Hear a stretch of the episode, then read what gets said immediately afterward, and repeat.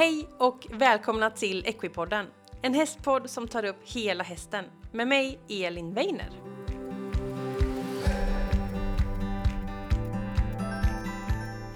Hej alla Equipodden-lyssnare och välkomna till veckans avsnitt av Equipodden. Jag hoppas du har haft en fantastisk vecka fylld av häst och nu är redo för ett nytt avsnitt. Och veckans avsnitt presenteras i samarbete med Riders Position. Och Riders Position är ett företag som tagit fram en teknisk lösning för att mäta ryttarens sits i sadeln. En av personerna bakom det här företaget är Marie Zetterqvist Bolkhaus som var med i avsnitt nummer 123 av Växjöpodden för några veckor sedan och då pratade vi just om sits och forskningen kring ryttarens sits. Och eh, Marie hon berättar om eh, sin forskning, hon berättar om andra forskning och verkligen vi går på djupet. Så har man inte lyssnat på det avsnittet så tipsar jag om att lyssna på avsnitt 123 av Veckopodden för att lära sig mer om datan bakom den här sitsanalysen. Och jag känner så här, desto mer jag lär mig om sits, desto svårare inser jag att det är. Jag känner att det kan vara väldigt svårt att också ta hjälp av någon för att olika tränare ser sitsen på olika sätt. Men med Riders Position så får jag ett verktyg där jag kan få en objektiv analys av just min sits med konkret data som jag kan använda för att förbättra min sits. Det börjar med att göra en enkel mätning som du gör under ett ridpass. Då behöver du en iPhone som du placerar i ditt ryggslut, exempelvis genom att lägga den i en magväska och så vända på den då så att den är i ländryggen. Och sen rider du en liten stund i båda varven. Appen säger till hur länge du ska rida och när det är dags att byta varv. När mätningen sen är klar så skickar man in den till Riders Position och efter någon dag så får man ett mail med en personlig analys. I den analysen får du veta hur du rör dig upp och ner i sadeln och även fram och tillbaka. Du får veta om du spänner dig någonstans eller om du dämpar sitsen på ett bra sätt och också mycket mer. Tillsammans med den här analysen så får du också några träningsövningar på hur du kan fortsätta att förbättra din sits. Jag har själv fått testa detta och känner att jag fick ut väldigt mycket värdefull information från analysen. Några saker som jag verkligen tar med mig, det var att jag spände mig i min bröstrygg eller mina axlar och att jag var väldigt mjuk i min dämpning upp och ner och det tycker jag är kul för det är något jag har tränat på. Och det roliga var att dagen efter jag hade gjort den här analysen, då hade jag träningsverk precis mellan skulderbladen, vilket verkligen bekräftade det som analysen sa, att jag hade spänt mig onödigt mycket i min bröstrygg. Så det är någonting jag behöver träna vidare på. Jag känner att det var väldigt konkret och nu vet jag precis hur jag ska gå tillväga och hur jag ska träna för att förbättra min sits. Jag känner också att jag är väldigt motiverad för jag tyckte det var en positiv upplevelse. Jag fick positiv respons i min analys och jag känner mig också väldigt motiverad att fortsätta träna och utveckla min sits. Så jag tänker om jag får träna några månader och sen kommer jag göra en ny analys så kan jag också få se min utveckling på ett väldigt bra sätt. Så om du vill sitta bättre på din häst så rekommenderar jag dig att kika in på Riders Position och på deras sociala medier och på deras hemsida för att läsa mer om den här analysen man kan göra och även beställa och få göra detta. Men nu till veckans avsnitt och då får vi träffa Lisa Hedbeck som är sadelmakare och driver Göteborgs sadelmakeri. Och vi pratar såklart om sadlar. Och eh, ett så härligt och bra avsnitt vi fick till. Det känns jätteroligt. Vi börjar med att prata om eh, sadeln, eh, alltså uppbyggnaden av sadeln. Vi går inifrån och ut. Vi börjar med bommen. Hur ser en bra bom ut? Hur ska bommen ligga på hästen? Sen lägger vi på del för del. Vi pratar om hur stropparna fäster in. Vilken stropp ska jag använda för att fästa sadeljorden? Vi pratar om sitsen, vi pratar om bossor, vi pratar om eh, stoppning. Ja, vi, vi bygger upp en sadel helt enkelt inifrån och ut och tar alla delar. Ett grymt bra avsnitt. Eh, vi pratar också lite skillnad på en sadelutprovare och en sadelmakare och vad som krävs för att få bli sadelmakare. Så att eh, ja, ett superhärligt, bra avsnitt med mycket fakta och mycket information. Det gillar jag. Så nu kör vi igång veckans avsnitt.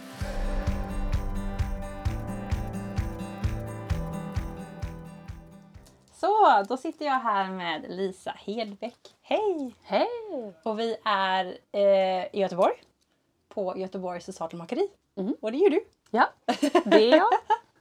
Jättekul att få komma hem till dig eller till eh, eran verkstad kanske jag ska säga. För här ute var det eh, en hel del inredning. Det var jättekul.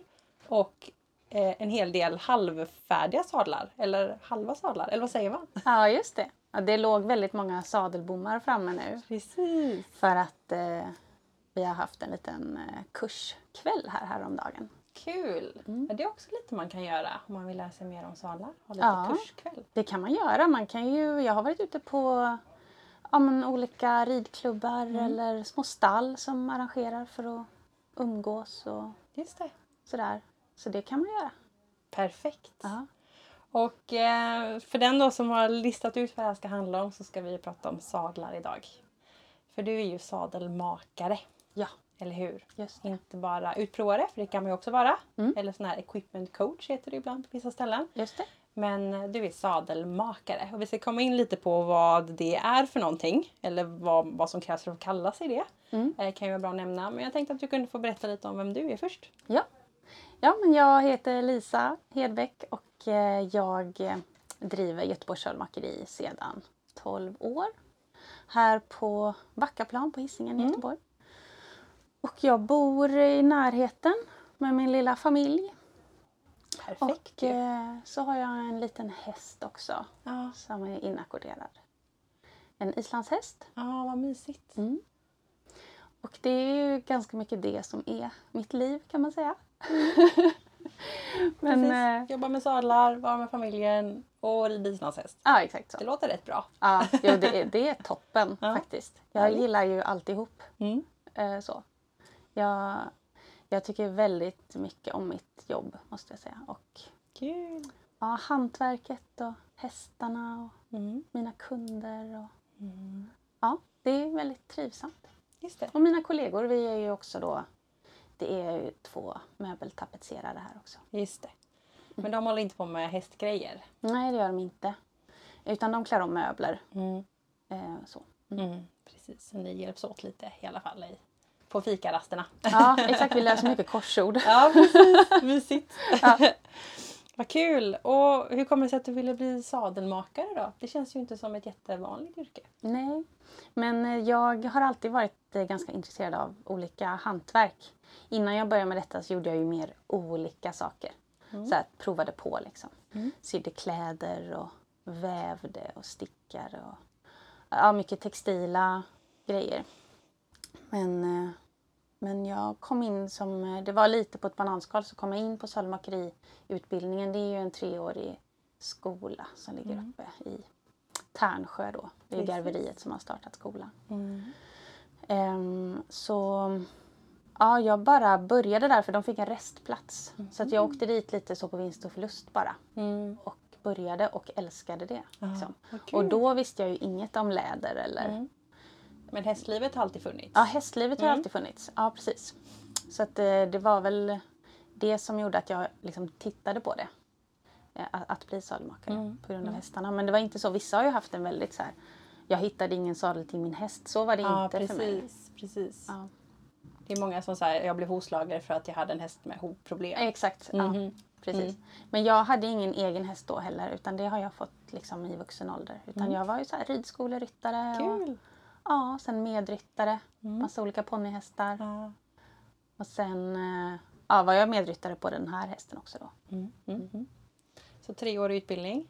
Ja. Och eh, vad får man lära sig då? Då får man ju lära sig många hantverkstekniker. Mm. Första året är gemensamt eh, för bilsadelmakare och hästsadelmakare. Mm. Så man lär sig hantera material och maskiner och handsöm och Mm. Ehm, ja, bygga mindre objekt. Eller vad man ska säga. Mm. Och sen så får man ju... När jag gick utbildningen så var den ganska fri så vad man ville göra. Och jag gjorde liksom lite av allt inom hästsporten. Mm. Så jag byggde sele och eh, västernsadel och engelsk sadel. Ehm, jag gjorde aldrig liksom... Vissa har ju till exempel bara gjort engelsk sadel och blivit superduktiga på det. Det. Jag har mera gjort lite av allting i början. Mm. Kul. Hur många var ni ungefär? Ja, alltså vi var ju inte...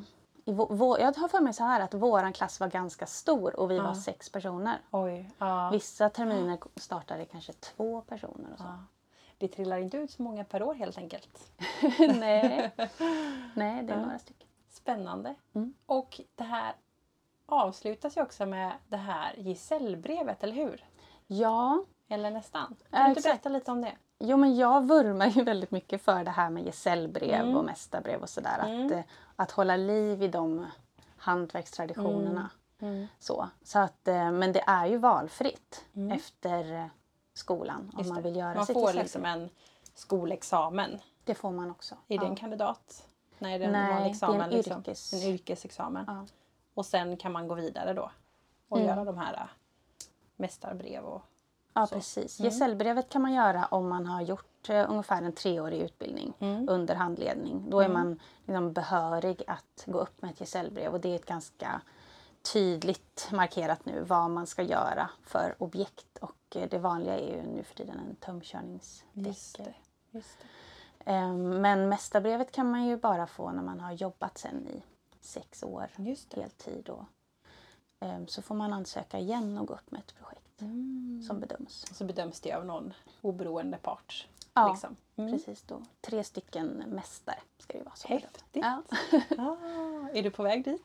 ja, det kan man väl tycka. Man ska Ja. ha tid och så. Jag har ju liksom åren har jag ju nu. Ja, Så att nu handlar det väl mer om att avsätta tiden. nu ska det göras. Ja. Liksom. Mm, fattar. Vad spännande. Mm. Då får vi heja på det när det är dags Ja. för det. Då.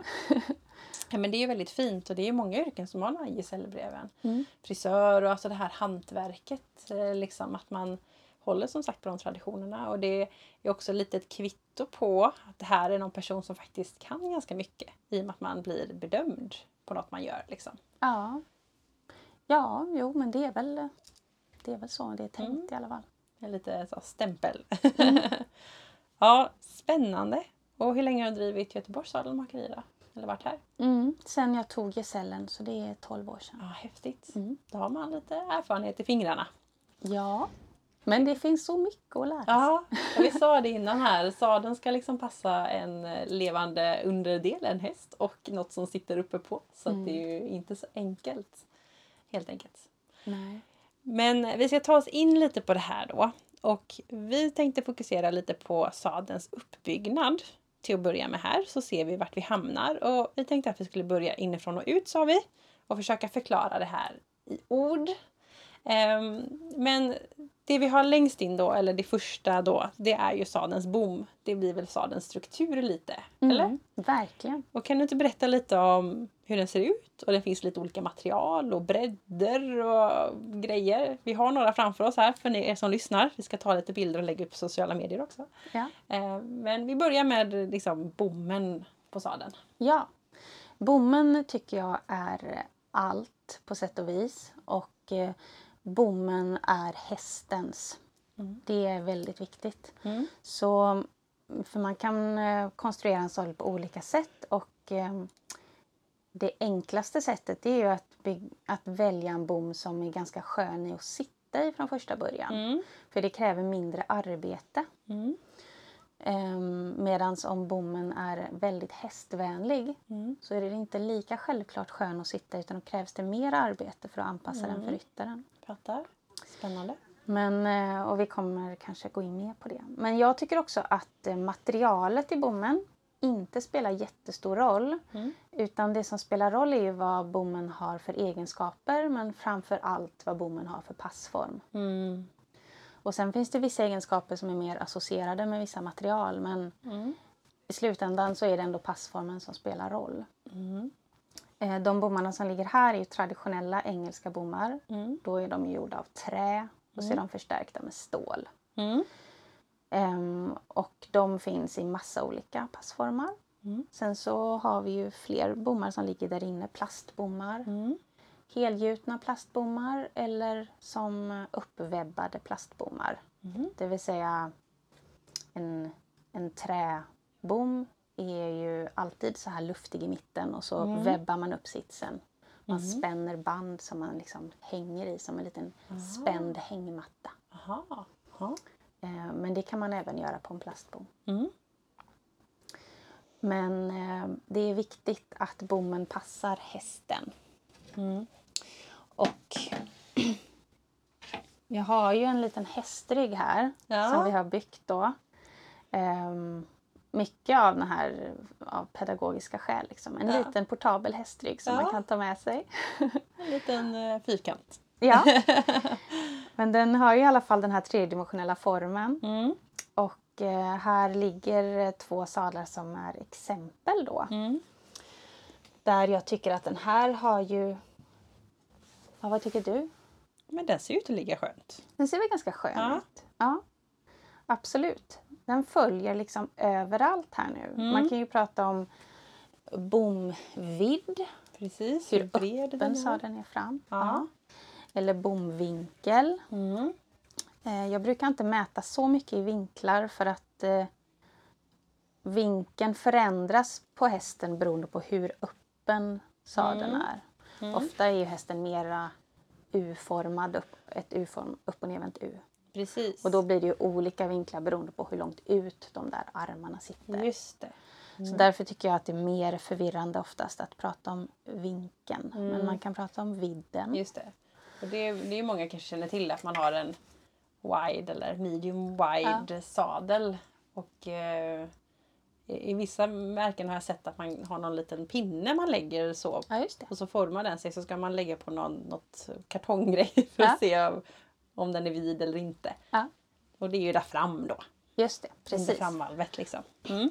Och ofta så är det ju liksom den förenklade sadelprovningen den går ju till så lite grann att man har en bomvidd och sen Mm. så har man sådär är hästen rak eller svängd i Just det, ryggen. det har man ju hört ja. Ja. Mhm. Eh, Men jag tänker att man kan ju i bästa fall försöka få en passform som är lika bra i bomvidden fast även då 10 cm in och 20 cm in och 30 cm in. Så att det.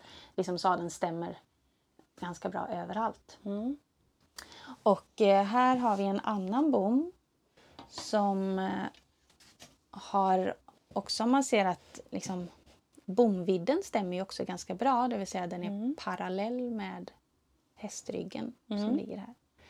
Men den har ju en annan eh, aspekt här. Mm. Hur skulle du beskriva den? Alltså här tycker jag att framvalvet kommer upp lite granna. Eh, Mm. Och sen ligger den ju inte emot hela vägen. Utan det Nej. blir som ett hål, liksom man tänker efter manken så går det ner lite på ryggen. Och sen kanske går upp lite om, den är, om hästen är lite svängd eller svankig då. Så här känns det som att sadeln hänger lite fram och bak. Just det. Är inte det bra kanske? Nej, jag tycker inte det. Och jag tycker att det här är ett ganska vanligt problem. Mm. Och det här är ju associerat med sadlar som är väldigt smala i midjan. Mm, Och det kan man ju se väldigt tydligt om man håller upp bommarna så man ser dem bredvid varandra underifrån. Mm. Så ser man ju att det som framförallt skiljer de här sadlarna är ju väldigt mycket midjan. Mm. På midjan då pratar vi om vi har framvalvet och så har vi eh, där man sätter in eh, stigbyglarna eller stigläderna. Mm. Och sen så går sadeln in lite granna. Där har vi midjan innan den går ut i bakvalvet. Just det. Och där kan vi alltså vara olika breda då på olika bommar. Mm, verkligen. Där är bommarna väldigt olika breda. Men jag upplever inte att hästarna är särskilt olika breda här. Nej, Utan de allra... uppifrån ser man ju inte att hästen går in så. nej. Eller? nej, nej, nej. Utan det är som eh, där manken tar slut. Mm. Där är ju hästen som regel ganska så bred och platt. precis. Den kan ju vara lite, lite takformig. Mm. Men den är ju absolut inte brant och toppig som den är Nej. vid manken. Utan där manken slutar, där övergår ju det är en platt rygg som regel. Precis. precis. Så en bom som ligger bra, liksom generellt bra på Mm. många hästar. Den är ju egentligen ganska bred i midjan. Oftast. Ja. Men jag tänker, för vi ska ju komma på mer grejer här sen. Mm. Men jag tänker på, för den andra då som svävade lite grann där det var ett mellanrum mellan själva bommen och själva hästens rygg då. Mm. Bygger man inte upp med annat där utan man vill att liksom bommen ska passa först och sen lägger man på det andra. Vad menar du med det andra? Jag tänker på, lä alltså på lädret och stoppning och allt det där. Ja, på undersidan. Ja. Jo, men vad ska man säga då? Alltså om du har en passande bom som ligger bra över hela ytan. Mm. Då behöver du ju dels en ganska bara en jämn tjock stoppning under. och du får en väldigt bra viktfördelning Mm. över hela ytan. En sån sadel, där kommer stoppningen att röra sig mycket lite. Den kommer ligga väldigt stadigt. Mm. Hela sadeln kommer ligga ganska stadigt. Ja. Och den kommer att vara lätt per kvadratcentimeter. Du får väldigt lite tryck på något särskilt ställe. Just det. Medan om du väljer den här strategin med svävande mitt, Mm. då får du istället väldigt mycket tryck fram och bak. Just det. För att vi behöver ju täcka upp den här äh, svävande hängdelen liksom. Ja, så trycket försvinner ju inte utan det ackumuleras. Mm. Och det blir ju då bakom bogbladen på hästen Mm. och det blir eh, strax bakom mitten i sadeln om man tänker sig ungefär där kåpan brukar sitta fast och komma in Precis. mot sitsen. Precis. Där får man väldigt mycket tryck också. Ja. Och det är ju inte där, där ryttaren sitter. Ryttaren sitter mitt i sadeln. Ja. Men trycket kommer på fyra hörn Mm. runt ryttaren. Just det. Om man har en för smal midja. Precis. Man kan få lite samma effekt om man har en för rak bom Mm. eller om man har en för smal bomvidd. Mm. Men, eh, men i det här fallet så är det ju just det här att du har, en, du har rätt bomvidd och eh, du har kanske lagom sväng på, Mm. på mm, bommen men midjan är så smalt tvärs över så att du får ingen kontakt med hästen där. Just det. Men när man har en, eh, en färdig sadel, då är det här väldigt svårt att kolla upp. Då behöver man ha någon som är väl bekant med bommen på sadeln. Som ska testa ut sadeln. Ja, Mm. det är väl lite det som skiljer just eh, sadelmakarna från sadelinprovarna. Mm. För det är klart att jag provar in färre sadlar per år än någon som bara provar in sadlar. Mm. Jag ägnar ju ganska stor del åt att plocka isär sadlar också då. och, och se hur de ser ut inuti. Och det är det som har gett mig den här erfarenheten av, av hur olika de kan vara och eh, hur, de, hur de ser ut på, hur de ser ut av, hur de ser ut inuti. Mm. Hur stoppningen förändrar sig och så. Och eh, det, när man har sett det och upplevt det så blir det väldigt svårt att, eh, att inte ta hänsyn till det sen. Precis. Precis. Mm. Och eh, har olika märken liksom olika standardbommar de går efter?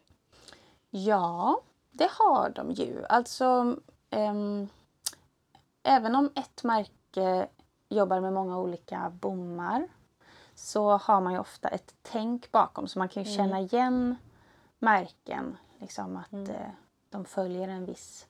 Linje. Sådär. Och det är ju för att man har olika perspektiv och, och filosofier bakom när man bygger en sadel. Mm. Ja, så är det ju med kläder också. En, en small eller en medium i ett märke är inte samma sak som medium i ett annat märke. Nej, nej, nej precis. Så är det ju inte med bomvidder eller någonting. Precis.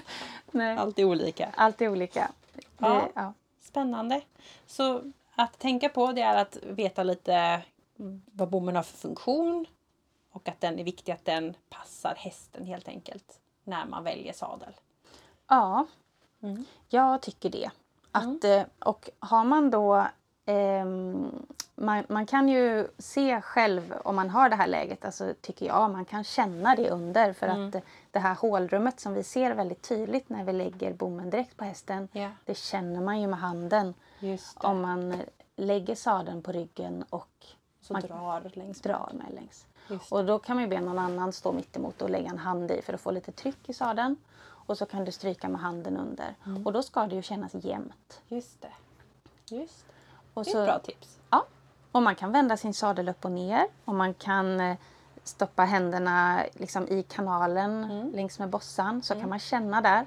Känner man att bommen Känns det hårt på ovansidan längs med hela bossan då har ju bossan kontakt med bommen. Mm. Ehm, och känns det som att man kan stoppa fingrarna rakt igenom sadeln Ja, som man kan göra på vissa då, då är det kanske en jättesmal midja eller en, en kanal som är så bred så att Mm. bossan glider isär. Just det. Mm. Så den är ju såklart som du sa väldigt viktig för hästen. Men hur stor spelar eh, bommens utformning för ryttaren? Jag tänker uppåt. Just det. Om man bygger en enkel sadel som man vill att det ska gå lite snabbt och lätt Mm. Då har man kanske en helgjuten plastbom till exempel. Och eh, sen sätter man ett lager skumgummi på den. Mm. Och då förstår man ju att det går ganska snabbt. Mm. Men också att det är ganska mycket så att undersidan på bommen motsvaras av översidan på bommen. Mm. Man har inte lagt jättemycket arbete på att förändra de Precis. formerna.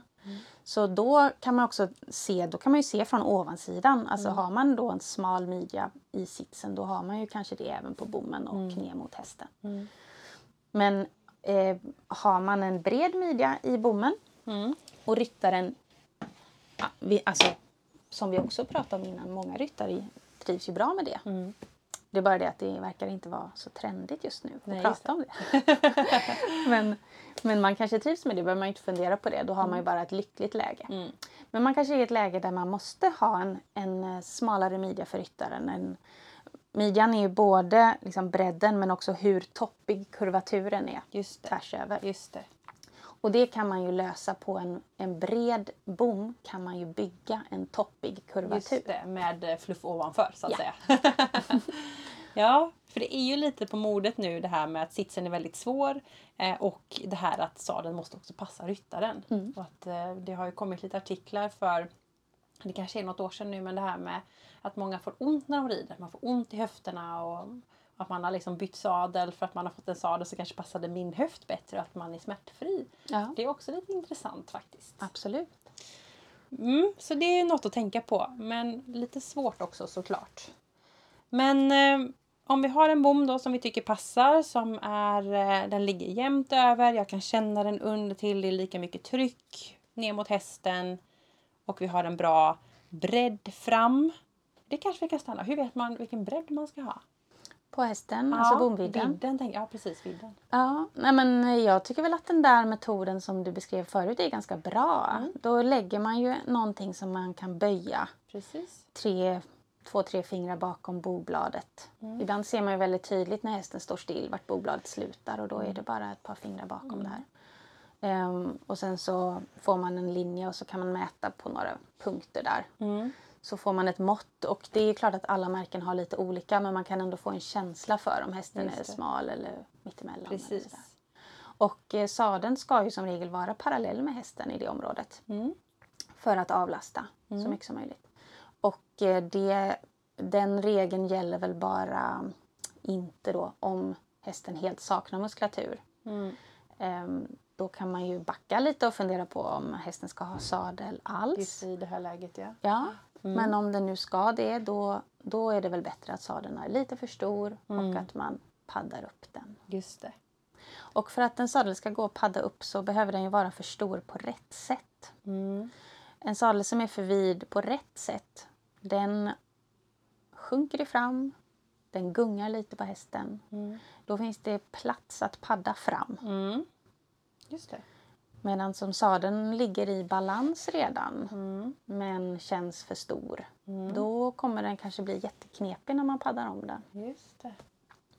Då blir det ju kanske lite trångt. Ja, precis. Mm. Nej, men då blir det ofta märkligt. Spännande. Balansen är ju väldigt viktig. Ja, det är inte bara att slänga på en padd.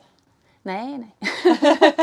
nej, men det, det kan man ju, det ingår ju liksom i Ja. utprovning faktiskt, Ja. det här med padd och så. Just det. Och har man en sadel där bommen passar och med bra fräsch stoppning så finns det ingen anledning att ha Mm. padd överhuvudtaget. Alltså, Jag vet inte om hopp, alltså att hoppa höga hinder skulle kunna vara Mm. ett tillfälle där man gärna vill ha så absolut så mycket dämpning som möjligt. Mm. Ehm, Jag hade faktiskt en hoppryttare när jag var ung. Eh, jag, hoppade, jag har aldrig hoppat några högre höjder. Alltså jag hoppade en meter max och det tyckte jag var jätteläskigt. Men han sa till mig att det är djurplågeri att inte ha en padd under hoppsadeln när man hoppar. mm, För att han tyckte att det, kunde, att det påverkade så mycket. ja. Jag vet inte om det stämmer. Men Nej, det men det är kändes väl- lite hårt att säga så. ja, Mm. det är ju också, det, det här, nu blir det ju väldigt tekniskt, men om man Mm. tänker sig så som en hoppsadel ofta är byggd så är den ju byggd med ganska lite frihet för manken för att man ska komma så himla nära hästen Mm. och med supertunna paneler. Mm. Så att så som en sån sadel är byggd så, så blir ju trycket redan väldigt Mm. högt på hästen. Och då att dessutom hoppa och landa Mm. blir det, det blir ju en otrolig belastning. Mm. Eh, och det är ganska ovanligt att man hoppar, som jag har sett, liksom, att man hoppar höga hinder i sadlar som är byggda på det här traditionellt liksom hästvänliga sättet för det blir väldigt rejäla sadlar. Du har mycket framvalv. För att det du vill är ju att du har en sadel som är helt fri runt hela manken och mankens sidor. Mm. Och sen vill du ha en bossa som är så kraftig så att den verkligen liksom bygger upp Mm. på muskulaturen. Ehm, och så en sån sadel tar ju väldigt mycket plats framför ryttaren så jag kan tänka mig att man inte gör det. Liksom. Just det. Just det. Ehm, och då kanske man rider i en sån här slim sadel och då kanske man får ha en riktigt Mm. bra padd. Just det. Jag Spännande. spekulerar lite nu. Jag Ja. är ju inte en hoppryttare som Nej. du hör. Nej, men det ligger lite i det. Oftast är det sysadeln lite större, lite tyngre, lite mycket. Och så hoppsadeln kan vara så lite lätt. Mm. Som ni säger, lite slimmad. Intressant. Eh, tiden traskar iväg så Ja, vi ska ja. byta vidare. Bommen har vi pratat om. Eh, nästa steg, om man tänker inifrån och ut, så är det bossorna. Mm. Berätta lite om detta. Bossorna är ju det som utgör stötdämpningen mot hästen. Mm. Man kan ju ha korta rundbossor eller lite längre kilbossor. Mm. Generellt tycker jag man kan säga faktiskt att ju jämnare form det är på bossan så kan man ju föreställa sig, och sadeln passar, Mm. att då passar ju också bommen ganska bra. Just det. De skvallrar lite helt enkelt. Ja, lite, för man behöver ju inte... Annars får man ju kompensera för bommens form med att bossan är väldigt tjock på något ställe och väldigt tunn på något ställe och så. Mm. Ehm, och ehm, man kan ha latexpaneler. Då är Mm. ju permanentstoppade bossor. Eller så har man ullstoppade bossor. Mm. Och att de är ullstoppade betyder inte att de är stoppade med ull, men det betyder att de är stoppade med något. Och Något att, som är löst helt enkelt. Ja, Mm. som man kan riva ur och stoppa i igen. Just det. Och olika märken har ju olika material. Mm. Och ehm, jag, ja, jag jobbar ju med detta så det är klart att jag föredrar att jobba med ullstoppade sadlar för att då kan jag förändra Mm. och anpassa lite grann. Mm. Ehm, det ger också en bra känsla, det känner man ju själv när jag går och provar in sadlar. Det Jag har ju känt på många med permanentpaneler. De blir ju väldigt, ehm, det blir väldigt avslöjande med bommen och ehm, det blir väldigt stumt under. För att ehm, ja, det blir inte samma dämpning och det är också rent i centimeter så är ju en latexpanel väldigt mycket mindre. Det är ju ofta bara några centimeter medan en ullbossa kan vara ganska så krallig. Just det. Mm. Ehm, men det påverkar ju ryttarkänslan och det påverkar stabiliteten också. Just det. Så på, ja, på vissa hästar så kan ju ibland latexpanelen göra att det blir lite mer stabilt för att det kommer lite närmare. Det blir också lite varmt och lite sådär. Mm. Så kan man... Jag tycker väl alltid... Jag, skulle ju, jag säljer ju bara sadlar med ullstoppning. Just det. Mm. Kan man, om man har en sadel kan man på ett enkelt sätt se om den är ullstoppad eller om den har den här fasta stoppningen. Ja, men det tycker jag väl. Mm. Man vänder den upp och ner. Mm. En eh, panel är ju tunnare, den Mm. kan vara kantigare. På enklare sadlar är de väldigt kantiga och väldigt, då är det Mm. väldigt enkelt att se. Mm. Sen är de ju stöpta, gjutna i en form liksom, så att de är ju väldigt lika. Sådär. Mm. Man kan väl säga en ullstoppning, då är den en högre bossa. Det kan vara sömmar som man ser. Och Mm. den, den blir ju också sämre om man inte tar hand om den, så den kan ju vara mera ojämn och så. Just det. Just det, det har jag känt någon gång. Mm. Så vända och titta helt enkelt. Ja, Mm. men man kan alltid skicka en bild om man är osäker. Ja, just det. Lite coachning. Ja. ja. Och en som är ullstoppad, då kan vi göra saker helt enkelt. Ja. Eh, och stoppa om sadeln, det ju, pratar man ju, eller det gör ju alla till höger och vänster hela tiden. Men i vilket läge tycker du att man ska stoppa om sin sadel? Eller i vilka situationer behövs en sadel stoppas om? Förstår du vad jag menar? Mm. Alltså det är ju rutinen då att titta över den regelbundet för att den... um, Vad är regelbundet? Eh, alltså om man inte har några problem och hästen inte ändrar sig så mycket så kanske man gör det en gång per år, tänker jag. Mm. Men ibland är man i en fas där det händer mycket och då Precis. kan man få göra det oftare. Precis. Ehm, och då är det ju ofta det som... Alltså, på sommaren och vintern kan ju hästen både falla i och ur. Ja. Och sen så har vi det här med att sadeln ofta, även om den inte blir knölig och så. Knölar är aldrig bra, det är ju Nej. alltid big no-no. Annars så kan ju en sadel vara gammal och lite stum i stoppningen. Och det behöver inte göra så himla mycket om den är slät, symmetrisk och ryttaren inte är för tung. Just det. Så det är lite vad man är i för läge också hur, och hur robust hästen verkar. Just det. Men knölar får man liksom, det går alltid Det är ett bort. big no-no. Ja. Mm. Och eh, när man stoppar om sadeln då tar man ut och stoppar in eller byter. Mm. Eh, men du säger också att man kan stoppa upp lite där det behövs lite extra. Ja. Vad innebär det? Är det om man till exempel behöver bygga upp lite muskler eller vad betyder det? Det kan vara att man behöver bygga upp muskler. Mm. Men ibland kan jag tycka att det finns en risk med det. Då kan det vara bättre med en padd faktiskt. Mm. För om man stoppar hårt i en bossa för att kompensera för att det saknas då i det här fallet häst. Ja. Så blir det liksom lätt att det blir hårt helt Ja. enkelt. Ehm, men, eh, men små justeringar är jättebra att göra i sadeln så att man slipper använda en padd. Och Mm. det kan vara att justera liksom framvikt, bakvikt eller sådär. Mm. Om hästen är lite överbyggd så kanske man tar ur lite bak och så får man en Just bättre det. balans. Just det, just det. Spännande. Mm. Men då får man ta hjälp. Ja, det, det är Helt enkelt. jättelurigt att göra själv. Nej. Okej, så bommen, bossan och sen kommer ju stropparna då. Ja, Där vi fäster sadeljorden. Precis. Mm. För stropparnas position är jätteviktiga för Ja. sadelns position på hästen. Och ofta, eller beroende på vad det är för sadel, så kan det finnas två eller tre Mhm. stroppar. Och vi på sadeljordar har ju alltid bara två. Då blir det en utan. Just det, Ja, en reserv. ja precis. jag funderar på vilken ska jag ta. Ja. Men eh, hur, vart, vart fäster stropparna liksom? Och eh, vilken ska man använda? Generellt fäster ju stropparna ganska långt fram på bommen. Mm. Alltså på en hoppsadel så sitter ju alla tre stropparna precis bakom stig bygelkrampan ungefär. Precis.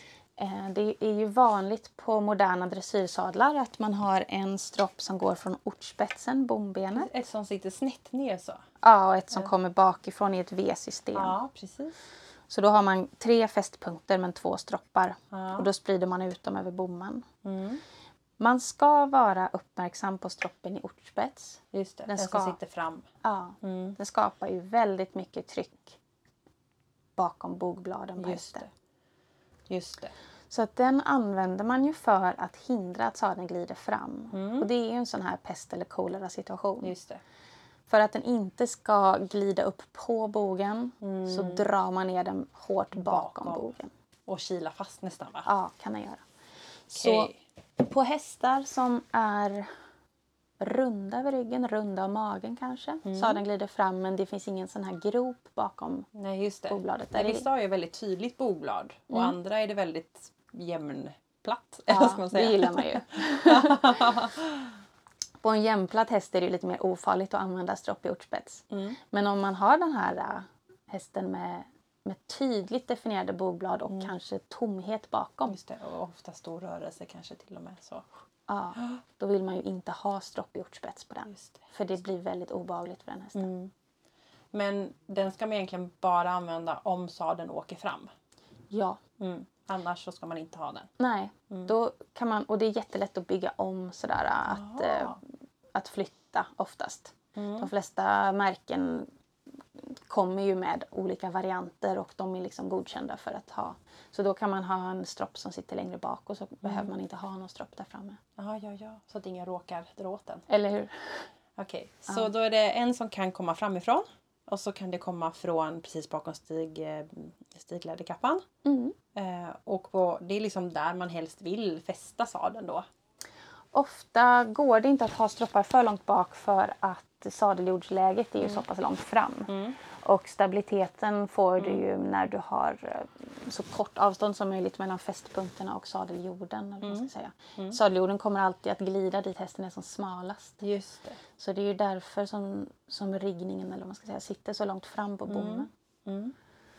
Ehm, men annars så tänker jag rent belastningsmässigt på hästen så vill man ju ha infästningarna så långt bak som det går medan det det. fortfarande harmonierar med magen eller sadeljordsläget. Precis. Så det som är svårt är ju på hästar som är väldigt bukiga. Mm. Men det brukar vara lite mer tacksamt på hästar som är lite nättare runt bröstkorgen sådär. Just det. Just det. Och eh, där, då kan ju det också vara en grej. Men det kan att man känner att man har en bra sadel som passar. Den passar mig, den passar hästen. Men att stropparna sitter lite konstigt helt enkelt. Men de går att lämna in och flytta då. Ja, det kan man göra. Smidigt. Men grundregeln är ju att glider sadeln bakåt så spänner man i de bakre stropparna. Mm. Och glider den framåt, då det är då man tar till de här stropparna som sitter väldigt Sitter långt fram. långt fram ja. Just det. Och om den inte glider alls tar man det i mitten. Ja, det tycker jag. Det tycker jag. Svårt! Spännande! Man kanske får rida två pass eh, på olika stroppar och se om man känner någon skillnad. Det Ja, just också det. vara lite Ja, spännande. fota före och efter. Ja, och känsla. Hur, Mm. Vad hände? Jag tittar på pälsen under om den har Ja. suddats åt något håll. Kul! För det har man liksom inte riktigt pratat om känner jag när, när jag lärde mig rida på ridskola. Sådär. Jag har ju hört det här när någon sadelprovar ute och sådär. Mm. Ehm, om liksom att den ska, du ska sätta den här för att den stroppen gör så och så och inte den för att den gör så. Men jag tänker att det är viktig kunskap att lyfta och en ganska enkel sak att göra. Verkligen. Jag tänker att man kanske tänker att jag ska ta jag vill ha brett så jag tar den längst fram och längst bak. Ja, just det. Ja. Eh, bara för att man tänker att det ska vara bra. Men det kanske inte alls är bra då om jag trycker ner den fram. Nej, liksom. just det. Nej, men Jag tycker att en, om man har en stropp i ortspets Mm. så är det en sån nödfallsstropp. Så man tar den när man måste. Ibland kan man behöva den direkt efter sommarbetet. Just det, en period. Och sen så behöver man inte den. Och då är det jättebra. Mm. Jättebra, ett verktyg att ta med. Mm. Helt enkelt. Ja, stropparna. Eh, nästa steg är själva sitsen då. Mm. Och då är vi uppe på sadeln. Exakt. Och det är det jag tycker är viktigt att sitsen frikopplas lite grann från bommens form. Så att hästen äger bommen, ryttaren äger Det sitsen. är nu vi hamnar på ryttaren. Ja, Yes. precis. Och sitsen bör ju vara konstruerad så att ryttaren hamnar i en eh, neutral bäckenposition. Mm. Så att man kan både runda ländryggen eller svanka lite men att man i utgångsläget inte gör någonting. Man sitter balanserat med. Just det. Ehm, och kunna röra sig i sadeln. Mm. Och jag tror också att en bidragande orsak till att den här trenden med ryttarens bäcken har kommit nu. Det är för att trenden innan det var det. den här trenden med jättestora knästöd och väldigt djupa sitsar. Just det. Precis. Så har man en sadel som låser fast ryttaren med djup sits, med höga knästöd, långa knästöd, raka kåpor eller bakåtskurna kåpor. Då sitter ryttaren som i ett skruvstäd. Just det. Då blir det väldigt viktigt att ryttarens höft avlastas. För det Ja. är väldigt plågsamt att sitta så. Ja. Om man har en bussig sadel, som jag menar då, ehm, att man har lite öppnare sits, lite mer framåtskurna kåpor. Man har ju trots allt böjda ben. Ja, det har man. Kanske flyttbara knästöd eller lägre knästöd eller så. Så att man är lite mer rörlig i sadeln. Ja, precis. Då klarar man också en sadel som inte har de absolut perfekta centimetrarna för ens bäcken. Just det. För man sitter ju inte fast. Man, alltså man rör ju sig. Mm. Sadeln, för mig är sadeln väldigt mycket ett funktionellt verktyg för ett ekipage som rör sig. Mm. Så när hästen börjar röra sig, kan jag följa med? Är jag fortfarande i balans? Mm. Eller hamnar jag bakom eller framför? Eller så? Och då är det viktigt att man själv också är lite mobil och lite följsam. Mm. Så jag, jag tänker mycket så med sadlar att ryttaren måste kunna röra på sig. Och i så stor utsträckning som möjligt ha ett neutralt bäcken. Men vi är olika också och man kan behöva lite extra hjälp åt något håll. Precis. Så vissa ryttare som gärna hamnar lite på ändan och fötterna åker fram. De mår kanske bra av att ha sittpunkten lite längre fram i sadeln. Då får de som en liten knuff i rumpan. Så. Precis. Lite lättare att hitta balansen. Ja. Ehm, det får man se lite från fall till fall. Men det viktiga är att när ryttaren väl är på plats då blir ju sadeln också jämntung under. Den är lika tung fram och Just det. bak ungefär. Precis. Så för hästen ska det inte bli någon skillnad. Nej, precis. Ja, ja, ja. Men jag tror inte att man ska stirra sig blind på liksom, hur det känns precis under heller. Utan det viktiga är ju vad man ser när ekipaget rör på sig. Alltså, Om det är lätt för hästen att röra sig och det är lätt för ryttaren att hänga med. Så. Just det. Just det.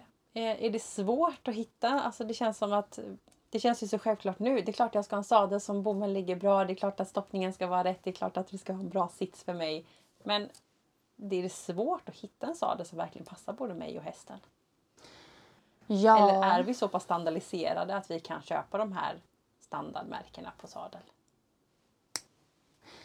Nej, men jag, jag kan väl hålla med dig om att eh, marknaden inte alltid är eh, så lättjobbad. Mm.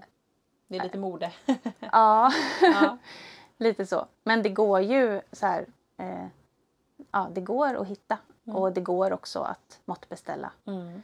Ehm, så det är inte alls hopplöst.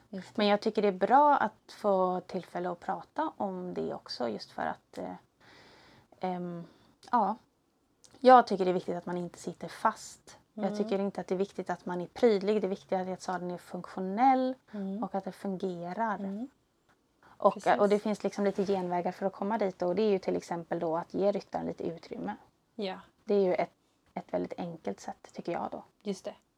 Men annars så tänker jag så här när man, om man hade en byggt en sadel utifrån ryttaren så är det ju det att eh, man har en, en neutral sits. Ryttaren sitter ner och ryttaren höjer stigläderna till rätt längd.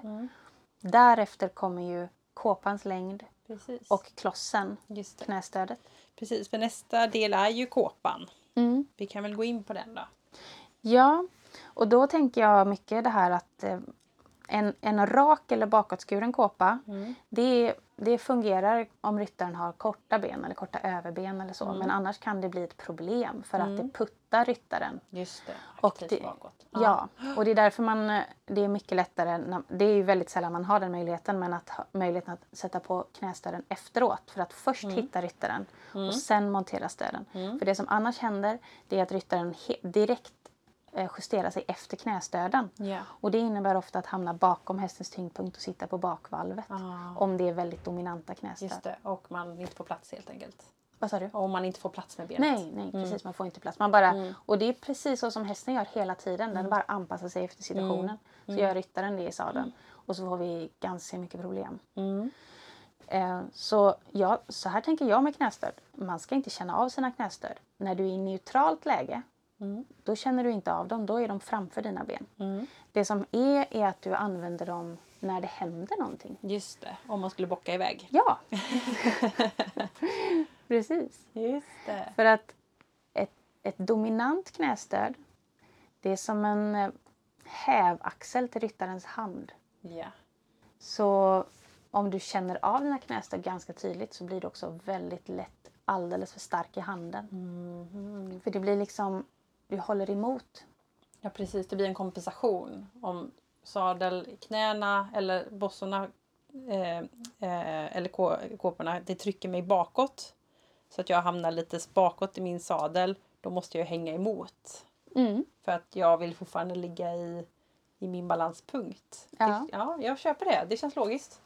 För att mitt, mitt ben är ju så långt som det är liksom. så det måste ju ta vägen någonstans tänker jag ifall det trycks bakåt Ja. från knät då. Mm. Inte svårt. Eh, för det är ju som du säger väldigt på mode det här med dressyrsadlar som har jättestora eh, sådana knästöd fram så. ja, Så man nästan sätter sig så. Mm. precis. Och Jag tror att det är en, en fara i det faktiskt. Mm. Ehm, för att man, man ehm, det blir väldigt lätt att bli väldigt stark också i handen. Just det. Och att man dessutom sitter kanske, om sadeln är bara minsta för liten eller så, så kommer du hela tiden att komma lite bak. Ehm, så att det blir rätt jobbigt för Just hästen. Bommen fungerar ju bara egentligen bra om du sitter mitt i bommen. Just det, om man sitter där den man ska. Ja, för annars så blir det som en vippbräda istället. Ja, Så kör man ner bommen liksom i, Ja, i ryggen på hästen. ja. Svårt. eh, så där har vi egentligen fått med både kåpan och klossorna. Liksom. Är det något annat man behöver tänka på när det kommer till de två eh, sista delarna på sadeln? Eh, de, det brukar lite grann lösa sig själv. Alltså att eh, om men man, man brukar bara säga så att kåpan ska vara 10 cm längre än, än alltså så att man har ett överlapp mellan överkanten på ryttarens ridstövlar. Typ, Så att inte de fastnar i kåpan. Det hade jag en sadel som var för liten en gång. Och så att det var precis. Ja.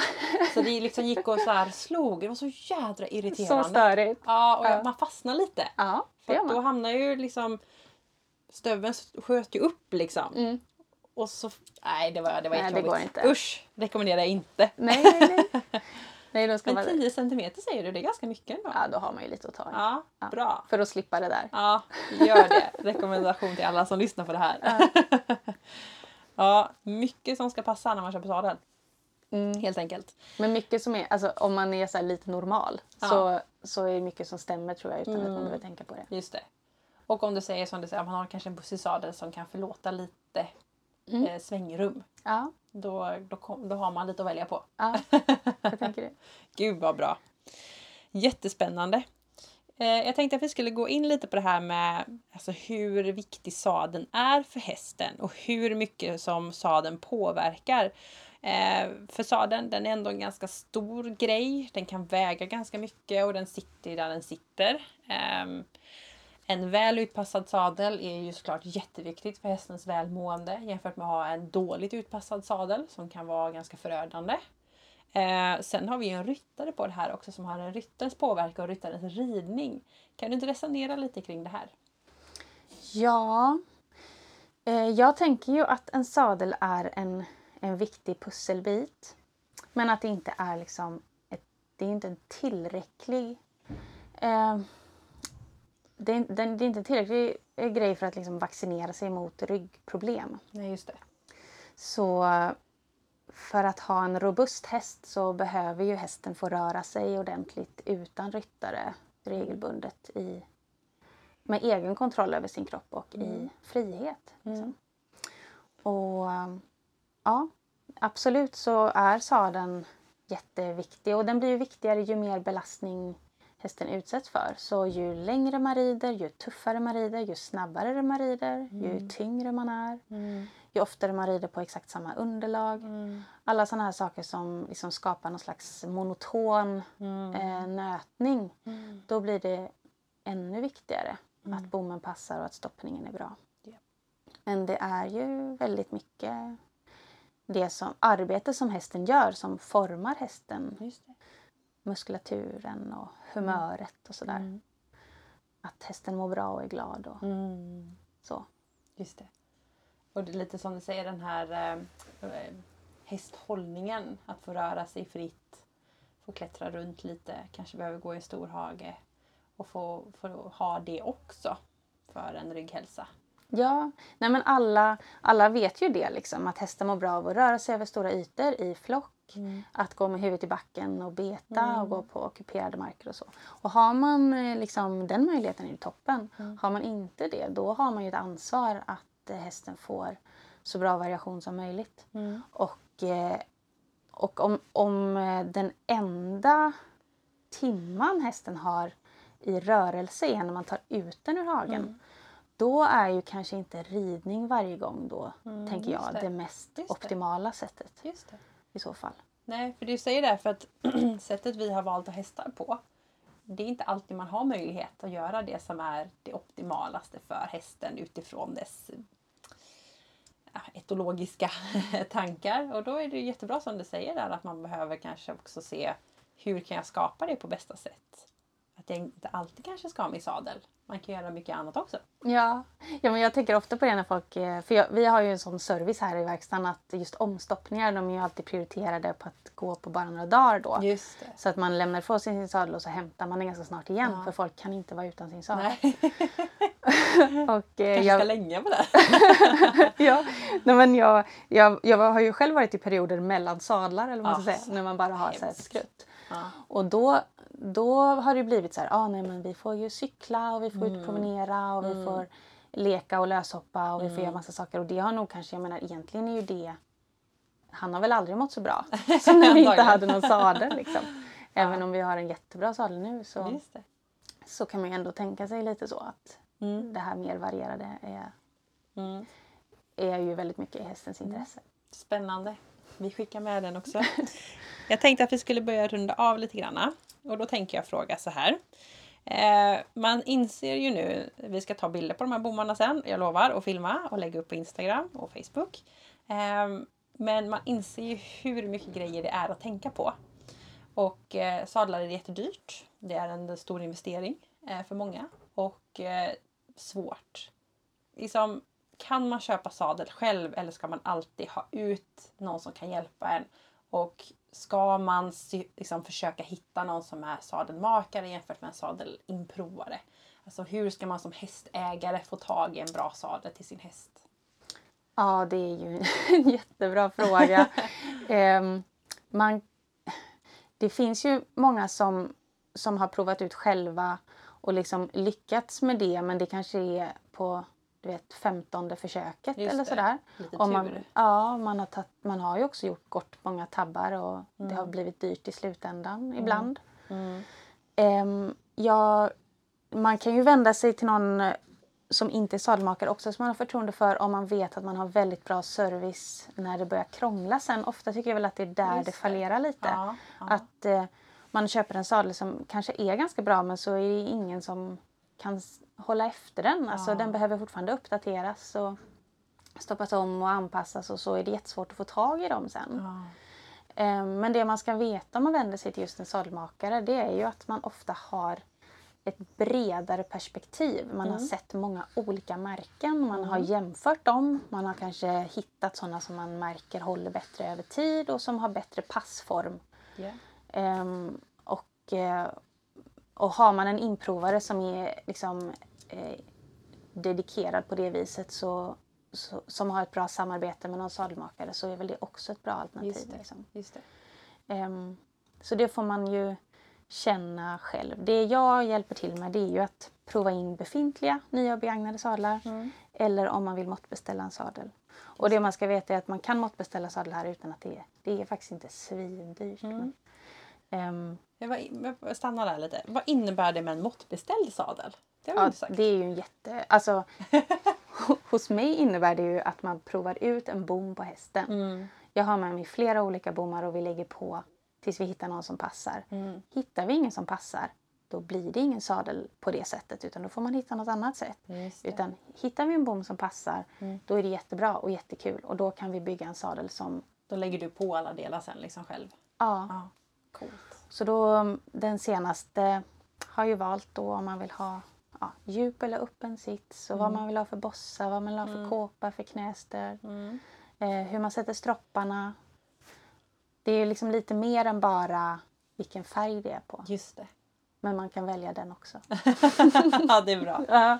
Just det. Men då är det bommen det börjar med helt enkelt. Det börjar alltid med bommen. Mm. Ja. Och det rekommenderar jag ju för en färdigväxt häst.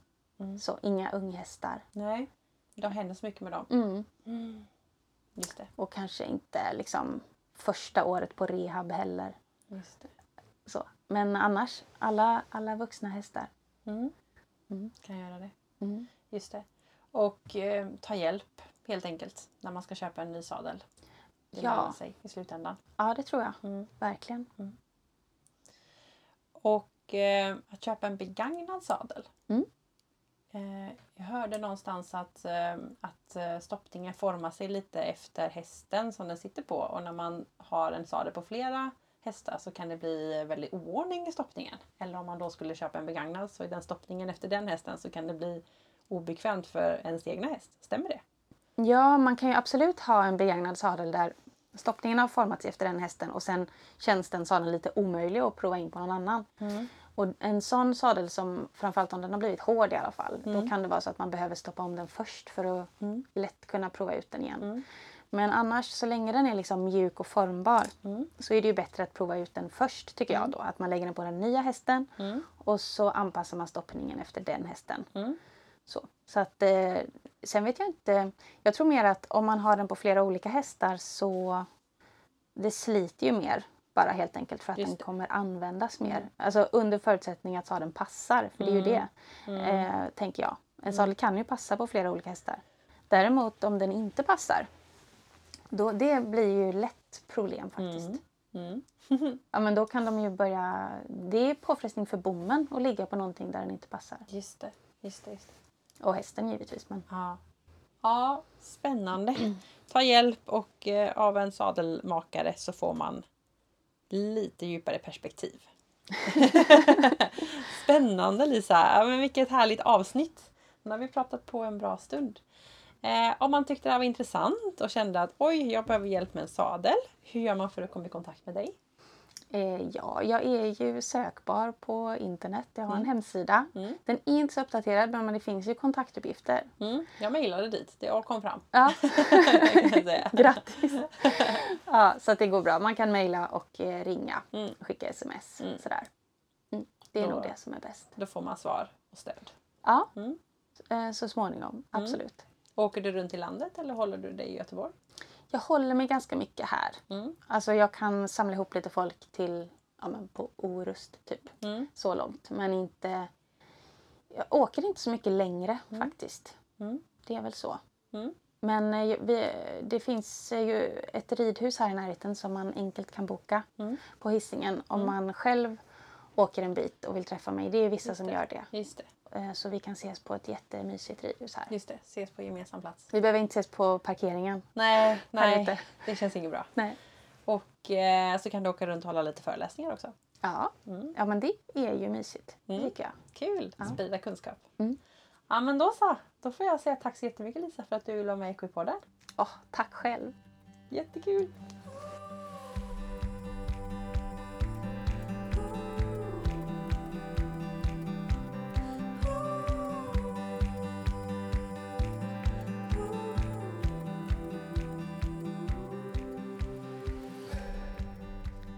Ännu ett jättehärligt avsnitt av Equipodden. Stort tack Lisa för att du ville vara med och dela din kunskap i podden. Eh, jag tyckte det här var ett superbra avsnitt. Jag hoppas du som lyssnat också lärt dig. Och eh, som vi sa innan så är det lite svårt att måla upp den här bilden av hur en bom ligger bra på en häst. Så jag har också filmat och fotat det här. Så in på sociala medier, Facebook och Instagram. Equipodden finns där för att kolla lite. Jag kommer lägga ut film kopplat till hur den här sadeln då ska ligga på en häst så att man får det lite visuellt också för det är lite svårt att beskriva i podd. Och eh, nu när du har lyssnat på det här och då hoppar in på sociala medier, passa på att följ för det är du som påverkar vilka gäster jag har och vilka frågor jag ska ställa. Så följ mig på sociala medier. Nästa vecka så är det hoppning som gäller när jag träffar och intervjuar hoppryttaren Cornelia Rylén. Så det blir riktigt spännande. Ja, det var det jag hade för den här veckan. Så jag önskar dig en fantastisk vecka så hörs vi snart igen. Hej då!